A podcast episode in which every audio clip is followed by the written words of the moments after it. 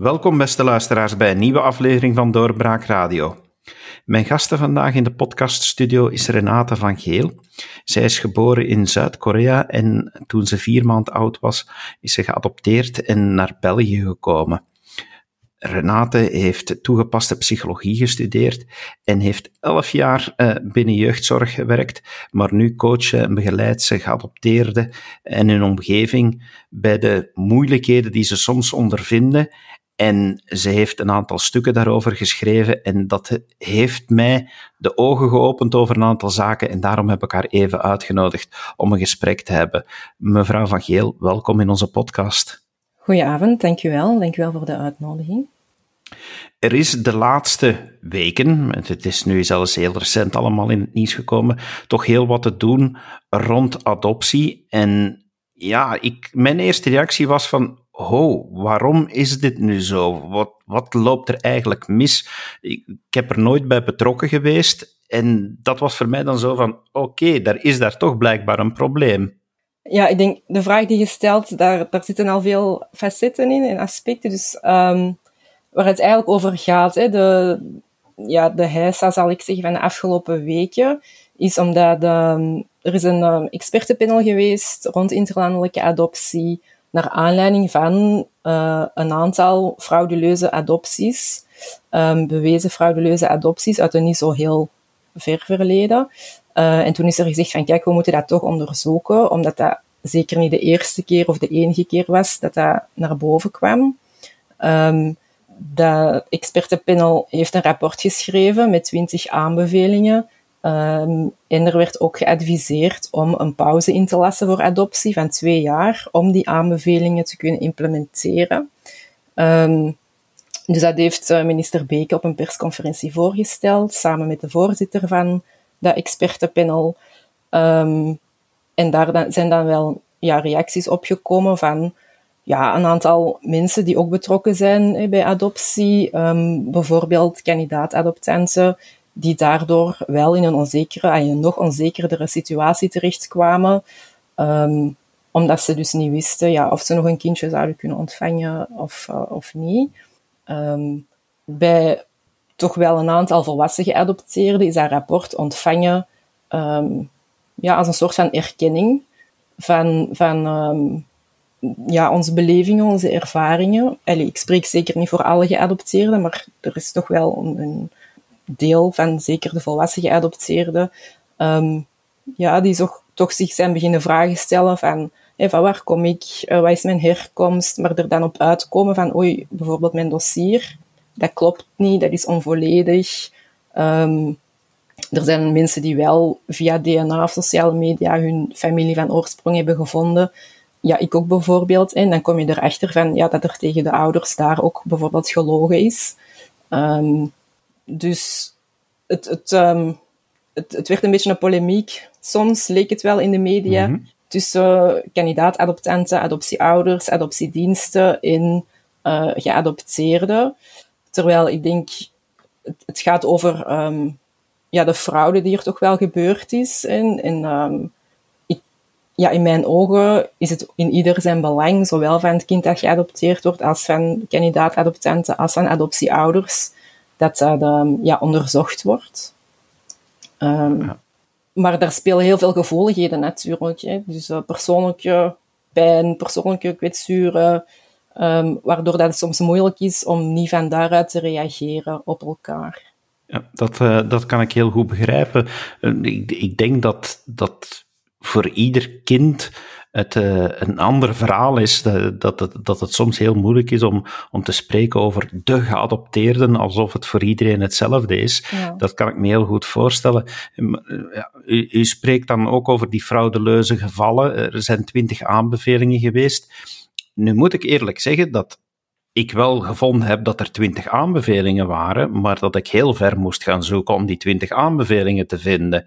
Um, is, is dat allemaal een beetje ondergesneeuwd geraakt in de huidige discussie? Ja, klopt. Ik, dat is mij ook opgevallen, dat toch in de media althans um, voornamelijk gesproken of geschreven is over de, de gevolgen voor kandidaat-adoptanten. Um, en niet bijvoorbeeld over wat de aanbevelingen zouden kunnen betekenen voor geadopteerden, voor adoptiekinderen en ook voor familie, families van oorsprong. Um, ja, in alle eerlijkheid heeft mij dat wel geraakt hè, als geadopteerde, omdat um, ja, met alle mededogen hè, en respect voor de kinderwens van mensen. Um, kandidaat-adoptanten hebben een, hebben een wens en een verlangen, maar zij wegen blijkbaar wel zwaar door in de beeldvorming en in het beleid over adoptie, terwijl geadopteerden zelf of, of uh, ouders aan oorsprong ja, dat blijkbaar veel minder um, doen. Hè. Dus dat klopt wel. Bijvoorbeeld toen de pauze die was aangekondigd en eigenlijk werd, werd um, ja, afgeschaft, zal ik zeggen. Um, waren dat de krantenkoppen die ik ook las van gelukkig weten kandidaat adoptieouders nu weer waar ze aan toe zijn. Um, en ik kan mij op zich voorstellen dat dat voor die mensen wel fijn is, maar in mijn ogen is dat niet de essentie van waar de adoptie over gaat en waarop zou moeten worden ingezet. Hè. Bij adoptie, het begint met een um, kind dat zijn ouders verliest en met ouders die een kind verliezen aan adoptie. Dat is de start, dat is het verlies. Um, dat is het hè, trauma voor iedereen die op dat moment betrokken is. Dus ja, bezorgdheden die mensen hebben over belang van kinderen en mensen helpen, ik denk dat dat daar ook over moet gaan en niet um, zozeer over mensen met een kinderwens hier, die ik, ik zeg het nog eens, echt wel ja, echt goed kan begrijpen. En, en dat moet ook verschrikkelijk zijn als je daar zo lang op moet wachten. Dat is onzeker. Um, maar in C heeft dat geen um, ja, direct verband met elkaar. Het, het, is dus inderdaad zo dat, dat, als ik het dan goed begrijp, dat men eigenlijk meer de, de aandacht, de focus zou moeten, moeten leggen op het belang van, van de kinderen. En dat men nu te vaak de focus legt op, op de koppels die een kinderwens hebben. U, u vindt dat er een shift moet gebeuren in die aandacht. Ja, nu dat is ook wel wat er in het rapport ook wordt aanbevolen. Dat heet dan de paradigma shift met een moeilijk woord. Um, nu, dat is ook wel hoe het, hoe het wordt verteld op de dag van vandaag en wordt uh, geschreven in de cursussen, in de folders. Maar uh, ja, een soort van mentaliteitswijziging, dat duurt altijd wel even en dat, dat um, laat zich niet dwingen hè, door, door lettertjes op papier. Dat is iets wat in de hoofden van mensen zich moet afspelen. Um, en ja, als ik dan kijk naar de reacties die er kwamen en, en ja, de mensen die het meest in de media kwamen, dan vroeg ik mij wel af van die paradigma shift of die mentaliteitswijziging, is die eigenlijk wel al echt gebeurd? Als er toch nog zoveel focus gaat naar um, ja, het leed en de pijn van de kandidaat-adoptanten, die, ook, die er ook echt is, hè, maar die in kader van adoptie misschien niet, um, ja, moet ik zeggen, niet het enige zijn, niet het belangrijkste zijn, um, om op te focussen en op in te zetten en beleid naar um, ja, te, te sturen. Het is zelfs zo dat wanneer je het verder doortrekt, eh, dat, eh, dat, dat, je moet gaan, gaan beginnen vragen te stellen van oké, met welke mentaliteit adopteren we? En, en, en, ik spreek over we echt heel algemeen, mhm. maar, maar is het inderdaad oké, zijn we, doen we dit uit, uit de wens van, van een kind te helpen? Um, ja, je kan dat ook anders gaan bekijken. In een van je stukken las ik zelfs het woord neocolonialisme. Uh, ja, dan, dat is toch even iets dat, dat ja, oké, uh, dat is een heel andere manier om erover na te denken. Mhm. Ja, ik denk, er zijn, er zijn mensen met een, een ongewenst, onver, onvervulde kinderwens. En ja, in alle eerlijkheid zullen die ook moeten toegeven dat ze een kindje willen adopteren, omdat ze graag een kindje willen. En um, er is een, een heel um, ja, verhaal of narratief rond van dat dat goed is voor het kind en dat kinderen dan geholpen worden. Um, maar dan kom je natuurlijk op de vraag, en dat geldt dus ook voor mensen die bijvoorbeeld wel eigen kinderen hebben, maar die uit ook goede bedoelingen een kind willen adopteren, van wat is helpen? Uh, hoe vullen we dat in? Bij adoptie wordt dat toch wel vaak snel ingevuld als we scheiden een moeder en een kind voor altijd. En dat is dan hoe wij die mensen helpen. Um, ik, ik kan bijvoorbeeld, hè, mijn eigen moeder, mijn Koreaanse moeder, ja, die heeft zich niet echt geholpen gevoeld hè, daardoor. Um, en het is veel genuanceerder dan te zeggen van je hebt hier sowieso een beter leven. Hè. Ik denk, om dat alleen te bezien in enge zin, in materiële zin, dat is inderdaad, en, met het idee van dat wij hier in het Westen um, betere omstandigheden kunnen bieden dan andere landen. Ja, dat zijn allemaal wel, wel um, ja, niet zo vanzelfsprekende dingen. Um, ik denk, je kunt het misschien ook eens omdraaien. Er zijn hier in Vlaanderen ook veel kinderen in kansarmoede. Ja, wat zouden wij ervan vinden als kinderen die bijvoorbeeld tijdelijk niet thuis kunnen wonen, naar China of uh, uh, Dubai of zo zouden worden geadopteerd door rijke mensen daar. Als ik die vraag stel aan mensen, vinden ze dat echt een heel raar idee. En hoe kom ik erop? Maar dat is eigenlijk wel hetgeen ja, dat er gebeurt. Hè? En um, ja, ik denk als we echt een stuk zorg willen dragen voor... Want uiteindelijk, het gaat over twintig kinderen. Hè? Dus er zijn heel veel arme kinderen in de wereld hè, die um, ja, eventueel wel een steuntje in de rug kunnen gebruiken. Uiteindelijk help je met adoptie in Vlaanderen 2019 2023 kinderen. Dus structureel verbetert dat ook niks aan mensen hun omstandigheden. Hè. Dus ja, inderdaad, de vraag is van ja, wie wordt er geholpen? Wiens belang is er het grootste? Er wordt ook heel veel geld um, ja, aan besteed.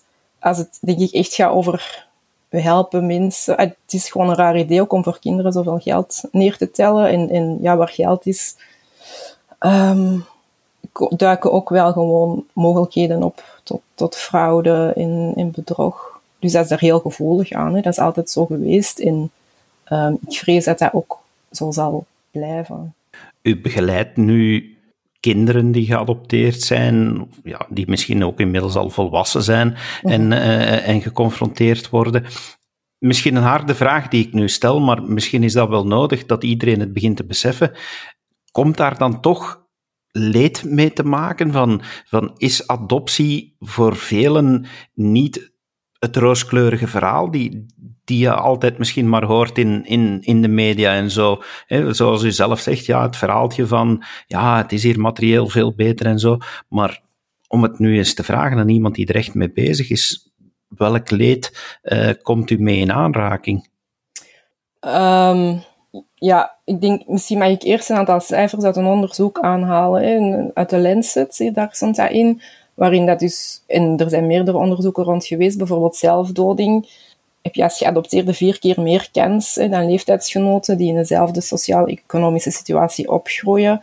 Um, drie tot vier keer meer kans om verslaafd uh, te zijn, alcohol, drugs.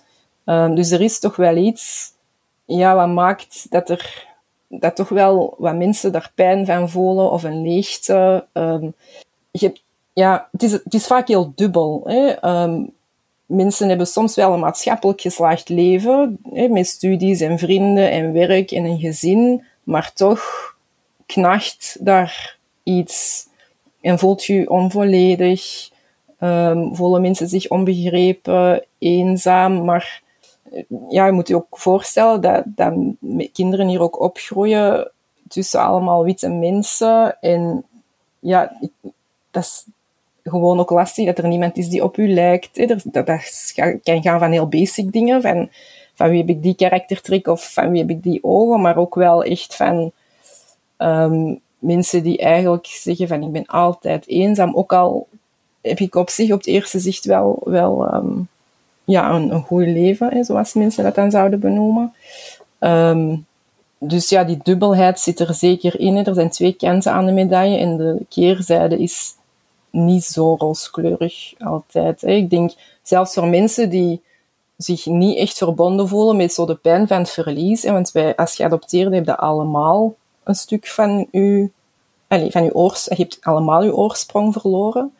Um, ja, zelfs voor hen, de mensen die zich daar niet slecht bij voelen of die daar, niet, daar geen last van hebben, is dat toch een reëel verlies hè, dat, er, dat er is uh, geweest. En uh, we merken ook wel dat um, ja, hoe ouder mensen worden, hoe meer contact er ook wel is met dat verlies en met dat gevoel van verlies. En ja, met pijn en rouw eigenlijk een stuk.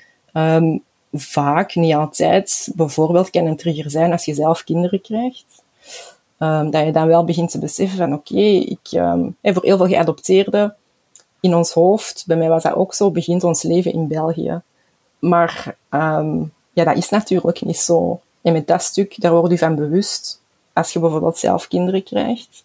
Wat dat ook een trigger is, vaak is overlijden van, van, um, van mensen, adoptieouders bijvoorbeeld, of belangrijke andere mensen, omdat het eigenlijk weer een groot verlies is, wat dat een stukje raakt aan, aan dat eerste. Um, dus er zal bijvoorbeeld denk ik een verschil zijn als je vraagt aan iemand van, als je aan een groep 20-jarige of aan een groep 50-jarige vraagt, ja, wat, betekent dat nu voor u, het feit dat je geadopteerd bent? Um, die evolutie zien we wel, um, ja, naarmate dat mensen ouder worden en zich meer bewust worden van dingen, zich ook soms wel wat vrijer voelen misschien om over dingen te spreken, want natuurlijk, um, wij zijn afgewezen door onze moeder. Hè, dus ergens existentieel heb je toch zo wel het gevoel van als zij mij niet wilde, wie dan wel? En ik moet heel erg mijn best doen om uh, niet nog eens afgewezen te worden. Dus ik, ja, voor mij betekende dat bijvoorbeeld om zeker geen, um, ja, om niet deloyaal te zijn aan mijn adoptieouders. Hè, dus om zeker niet uh, negatief te zijn of dingen in vraag te stellen. Maar naarmate dat je ouder wordt, kom je daar iets losser van. Ja, en durf je dat toch al wel eens um, ja, dingen in vraag stellen bijvoorbeeld. Als ik dat allemaal zo hoor, is dat dan eigenlijk te begrijpen als een betoog tegen interlandelijke adoptie of zelfs tegen adoptie in het algemeen? Um, ik denk dat, dat toch wel een heel deel van de moeilijkheden en de trauma's die interlandelijk geadopteerden ondervinden, dat die ook bij binnenlands geadopteerden te vinden zijn. Uh, ik, ik, ga me daar niet echt over uitspreken, want dat is niet mijn um, verhaal. Maar ik hoor toch ook wel van mensen die binnenlands geadopteerd zijn, um, ja, dat zij dezelfde pijn ook kunnen voelen en um, dat ze even goed soms verlangen naar familie van herkomst. dat er tegen hen eigenlijk nog vaker wordt gezegd van ja, je moet dank, allee, nog vaker, dat er op een andere manier wordt gezegd van je zou dankbaar moeten zijn, want je zou in je eigen land mogen blijven en met racisme of discriminatie komt er niet in aanraking. Wat dat bij ja, mensen van kleur wel ook nog heel vaak het geval is. Um, dus ja, qua gevoel kan ik me voorstellen dat zij toch wel een heel aantal van die dingen ook delen. Maar het is denk ik dan toch niet in die zin altijd een zwart-wit verhaal. Er, uh, ja, ik, ik kan begrijpen dat er ook uh, heel wat verhalen naar boven komen die niet negatief gekleurd zijn, uh, maar misschien dat het te vaak wordt verteld vanuit het verhaal van de adoptieouders en te weinig vanuit de kinderen. Ja, ik denk zo het feit, het, um, dat is absoluut waar. Hè? Dus, dus uh, dat ten eerste. Um, wat dat voor mij ja, daarin raakt, is dat um, als mensen zeggen van ja, ons, bij mijn kinderen is dat adoptie positief of zo, dan vind ik dat nogal allesomvattend, omdat dat, is, dat heeft zoveel lagen en als je weet hoe dat, dat begint, dat is met dat verlies voor zowel ouders als voor een, voor een kind, vind ik dat moeilijk om als positief um, te zien in, in zijn geheel en in zijn algemeenheid. Hè. Mensen kunnen uiteraard een hele goede, warme, liefdevolle um, band hebben met elkaar, hè, als, als adoptieouders en adoptiekinderen. Liefst, allee, het zou erg zijn moest dat, moest dat niet zo zijn. Um, maar dat verlies, dat blijft. Hè, daar, daar begint dat mee. Um, dus ja, misschien... Uh, er zijn een aantal geadopteerden wel wat gevolgen inderdaad aan die, aan die verwoording. Um, ja, des te beter als mensen zich daar wel op en top goed bij voelen. Um, ik, het is alleen zo dat dat ja, zeker niet bij iedereen zo is. En, en ja, dat dat zo wat miskennend voelt als de repliek is, als je iets deelt van je eigen verhaal, dat mensen dan zeggen, ja, maar er zijn toch ook goede verhalen. Ja, uiteraard. Uh, maar dat neemt niet weg dat één, ja, er best, allee, fraude, eh, ik denk dat, dat dat is basic, dat dat wordt uitgesloten. En twee, dat je nog altijd zit met die startsituatie waarin de ouders en kinderen van elkaar worden gescheiden. Um, ja, en in mijn ogen is dat altijd um, heel triestig, allee, heel dramatisch. En is dat misschien iets waar op kan worden ingezet? dan zouden we eigenlijk niet moeten op de pauzeknop drukken, maar dan moeten we eerder op zoek gaan naar de stopknop in dit beleid.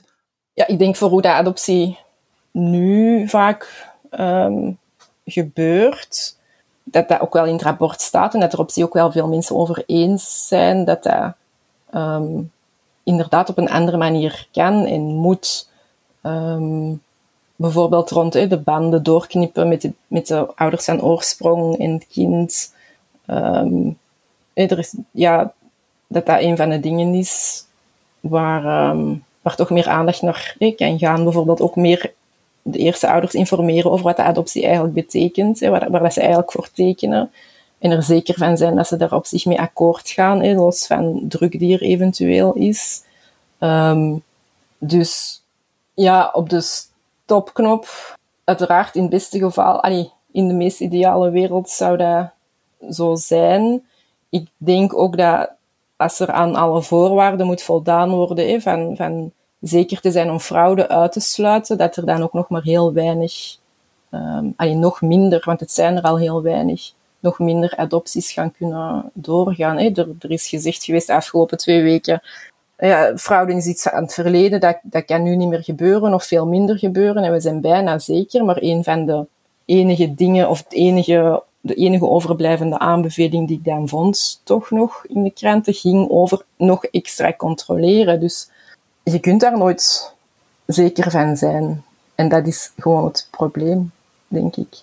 Omdat er ook altijd geld mee gemoeid is ergens. Ja, absoluut. En, en um, ja, dat is een systeem dat al zo lang bestaat. Hè. Er zijn mensen die er ook al zo lang in meedraaien. Um, dat verandert je niet zomaar. Hè. Dus daarom dat ik bijvoorbeeld die pauze wel heel genegen was om toch eens grondiger te kunnen kijken van oké, het voornemen is er om het anders te doen, maar hoe doen we dat dan concreet? Um, dus dat is moeilijk, denk ik, iemand schreef van je kunt een, een, een niet uitmissen als de koeien erin staan of zo. En dan denk ik, ja, dat klopt ook wel. Um, dat lijkt me moeilijk. Vindt u dat in deze discussie te veel over ja, dit, dit hele dossier gepraat wordt over de problemen die, die, er, die er zijn zonder de betrokkenen zelf te horen. U, u, u, u bent zelf betrokken, u hebt uw stem verhoffen, maar vindt u dat de overheid te weinig moeite doet om te luisteren naar diegenen die, die dit al meegemaakt hebben, die geadopteerd zijn? Goh, als ik kijk naar, of als ik hoor wat Wouter Beke eigenlijk heeft voorgesteld, die heeft wel, eigenlijk wil die integraal, of dat heeft hij gezegd, het rapport en de aanbevelingen volgen. En daar staan, wel, daar staan wel heel wat dingen in die voor ons als geadopteerden um, wel van belang zijn. Um, maar het is wel zo van oudsher een beetje een probleem dat um, ja, mensen praten graag over ons, de adoptiekinderen tussen aanhalingstekens, maar we zijn inderdaad ondertussen volwassen. En dat is soms lastig en pijnlijk, hetgeen dat wij komen zeggen. En ik denk dat er daarom ook soms zo fel op wordt gereageerd. Dat is een beetje um, dat, dat is helemaal anders uitgedraaid aan de bedoeling was in 20, 30 jaar geleden of 10 jaar geleden. Hè. Mensen denken van we doen iets goed of we hebben een goede bedoeling en opeens komen er een aantal allee, geadopteerden zeggen maar goh, of dat dat nu allemaal zo goed is, hè, dat, dat weet ik niet. Dus dat heeft ook wel een hele tijd geduurd voor mensen dat wilden horen. En dat is nog steeds um, ja, niet het geval. Ik denk um, voor, een aantal mensen dat dat heel moeilijk is om naar ons te luisteren, omdat wij wel, um, ja, ik zeg het, pijnlijke dingen zeggen en, en misschien een spiegel ook wel voorhouden. Terwijl op zich, ja, het is niet echt allee, een persoonlijke aanval of zo, maar wel de vraag om dingen ja, op zijn minst correct te laten verlopen. En ja, als er geen garanties kunnen gegeven worden, dan moet de vraag wel gesteld worden, is dit dan nog wel iets wat we willen doen en, en uh, tegen welke prijs en in wiens belang echt? Ik denk, mevrouw Van Geel, dat het uh, inderdaad belangrijk is dat, dat uh, de stemmen worden gehoord van, van alle volwassenen en alle kinderen die, die geadopteerd zijn. En ik wil u bijzonder bedanken dat u de tijd hebt genomen om, om uw verhaal en uw visie met ons te delen in deze podcast. Dank je wel. Graag gedaan. En u, beste luisteraar, hopelijk hebt u er ook wat van bij opgestoken. Indien u nog vragen hebt, dan uh, kan ik u aanraden om ook eens even een kijkje te nemen naar de podcast van Renate van Geel tussen India en Korea, geadopteerd van overleven naar leven. Ik denk dat dat uh, ook voor u een uh, belangrijke bron zou kunnen zijn om, om een aantal zaken anders te bekijken. Uh, we zullen zeker de link ook bij het artikel vermelden. Dank u wel dat u geluisterd hebt en graag tot een volgende keer. Dag. Dit was een episode van Doorbraak Radio, de podcast van doorbraak.be. Volg onze podcast op doorbraak.be/radio of via Apple Podcasts, Overcast of Spotify. Bezoek ook onze website op doorbraak.be en steun ons door een vriend te worden van Doorbraak.